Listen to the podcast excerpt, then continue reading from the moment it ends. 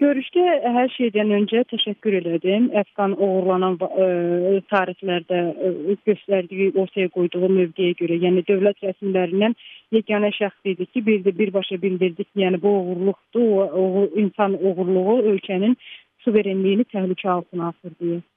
Və buna görə təşəkkürümü bildirdim göstərdiyi çıxışa görə. Sonra Əfqanın ə, həbsdən sonrakı, yəni araşdırma ilə bağlı sonrakı detalları müzakirə etdik. Həm Azərbaycan mövqeyini, həm də Gürcüstan polisinin mövqeyini. Yəni sırf ə, əsasən ə, hüquqi məsələlərlə bağlı danışdıq. Yəni Əfqanın Gürcüstandan olan vəkili də orada iştirak edirdi.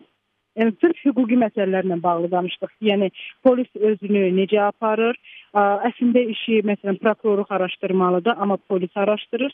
Çünki bu iki ölkə arasında törədilən bir cinayəti üstəlik Əfqan bildirdiyinə görə onu cinayət polisində geyimində olan şəxslər oğurlayır və buna görə də polisin də burada marağı olduğuna görə yəni araşdırmanı öz marağına uyğun yönləndirə biləcəkdir. Yəni bu əslində bu detallarla, oğurluğunla bağlı harda necə oğurlandığı kimlər tərəfindən, yəni bu, bu şeyləri danışdıq və bildirdi ki, əslində prezident administrasiyası Əfqandan oğurlanması ilə bağlı ə, öz mövqeyini bildirib və bu mövqedə dayanacaq. Üstəlik gələcəkdə bu mövqeyi daha da möhkəmləndirəcəklər. Üstəlik ə, ə, gələcəkdə də bu prosesləri iz, izləyəcəklər və kontrol altında saxlayacaqlar.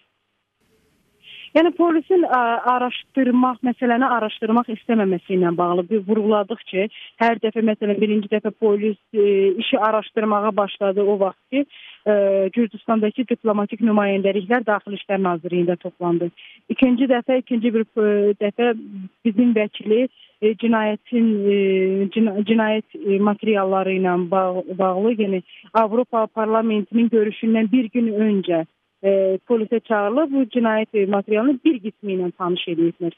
Yəni bir hansısa bir beynəlxalq tədbir, hansısa bir beynəlxalq baskı olmadan polis bu işi araşdırmaq istəmir və onu da vurğuladıq ki, bu Əfqan oğurlanması Gürcüstan Azərbaycan hüquq mühafizə orqanları və Gürcüstanda sadəcə xırda bir e, cinayət e, qrupu arasında razılaşma əsasında baş verməyib. Elə olsaydı həmin şəxsləri elə həmin gün aşkara çıxardardı. Bir ay müddət keçib, ortada heç kəs yoxdur, bilinmir. E, açıqlama vermir ki, onu kimlər e, oğurlayıblar və həmin onu oğurlayan şəxslər kimin, e, hansı dövlət məmurunun əmrlərini yerinə yetiriblər. Və buna görə də fikirləşirik ki, məhz e, Gürcüstanda dövlət postlarında təmsil olunan yüksək rütbəli şəxslər məhz şəxslərin məhz Əhqanın o, o Gürcüstandan uğurlanmasında əli olub və polis də bu dəqiqə həmin şəxsləri qorumaq, örtbasdır etməklə məşğuldur. Yəni bunları açıqladıq, bunları vurğuladıq. Və bildirdik ki, Gürcüstan polisinin belə zəiflənq işləməsi aslında Azərbaycan tərəfinin də razılığından olub. Çünki e, bunların rəng işləməsi Azərbaycan tərəfin qarşı qaldırdığı bu saxta ittihamların üzərində e, işləməsinə, rahat işləməsinə imkan yaradır əslində. Görüşü çox müsbət qiymətləndirirəm. Əslində, yəni mənim görüş üçün müraciət eləmək istəyəndə onlar prezident administrasiyası bunu çox müsbət qarşıladı və e, 10 dəqiqənin içində görüş üçün razılıq verdiklərini bildirdilər. Yəni bu uzun bir proses çəkmədi. Üstəlik görüş çox yaxşı keçdi. Hardasa bir saatdan çox müzakirələrimiz oldu və hər şeyi xırda detalları ilə müzakirə elədik. Yəni müsbət təsir bağışladı. Əslində Mark Belaşvili özünü yəni bir e, ölkənin prezidenti kimi, əsl prezident kimi apardı və baş nazirdən və daxili işlər naziri və e, Milli Təhlükəsizlik nazirindən fərqli olaraq, yəni konkret, obyektiv mövqe qoydu, qoydu ortaya. Yəni ən azından bu görüşün ona tə ona təsiri olacaq ki, bu Gürcüstanın gündəmindən bu mövzu düşməyəcək. Yay ayları olmasına rəğmən.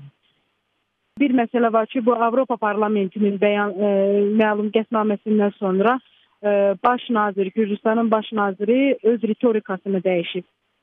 Əvvəlcə Gürcüstanın hüquq mühafizə orqanlarının bu işdə əli olmadığını bildirirdi. İndi isə işin araşdırılacağını deyirlər.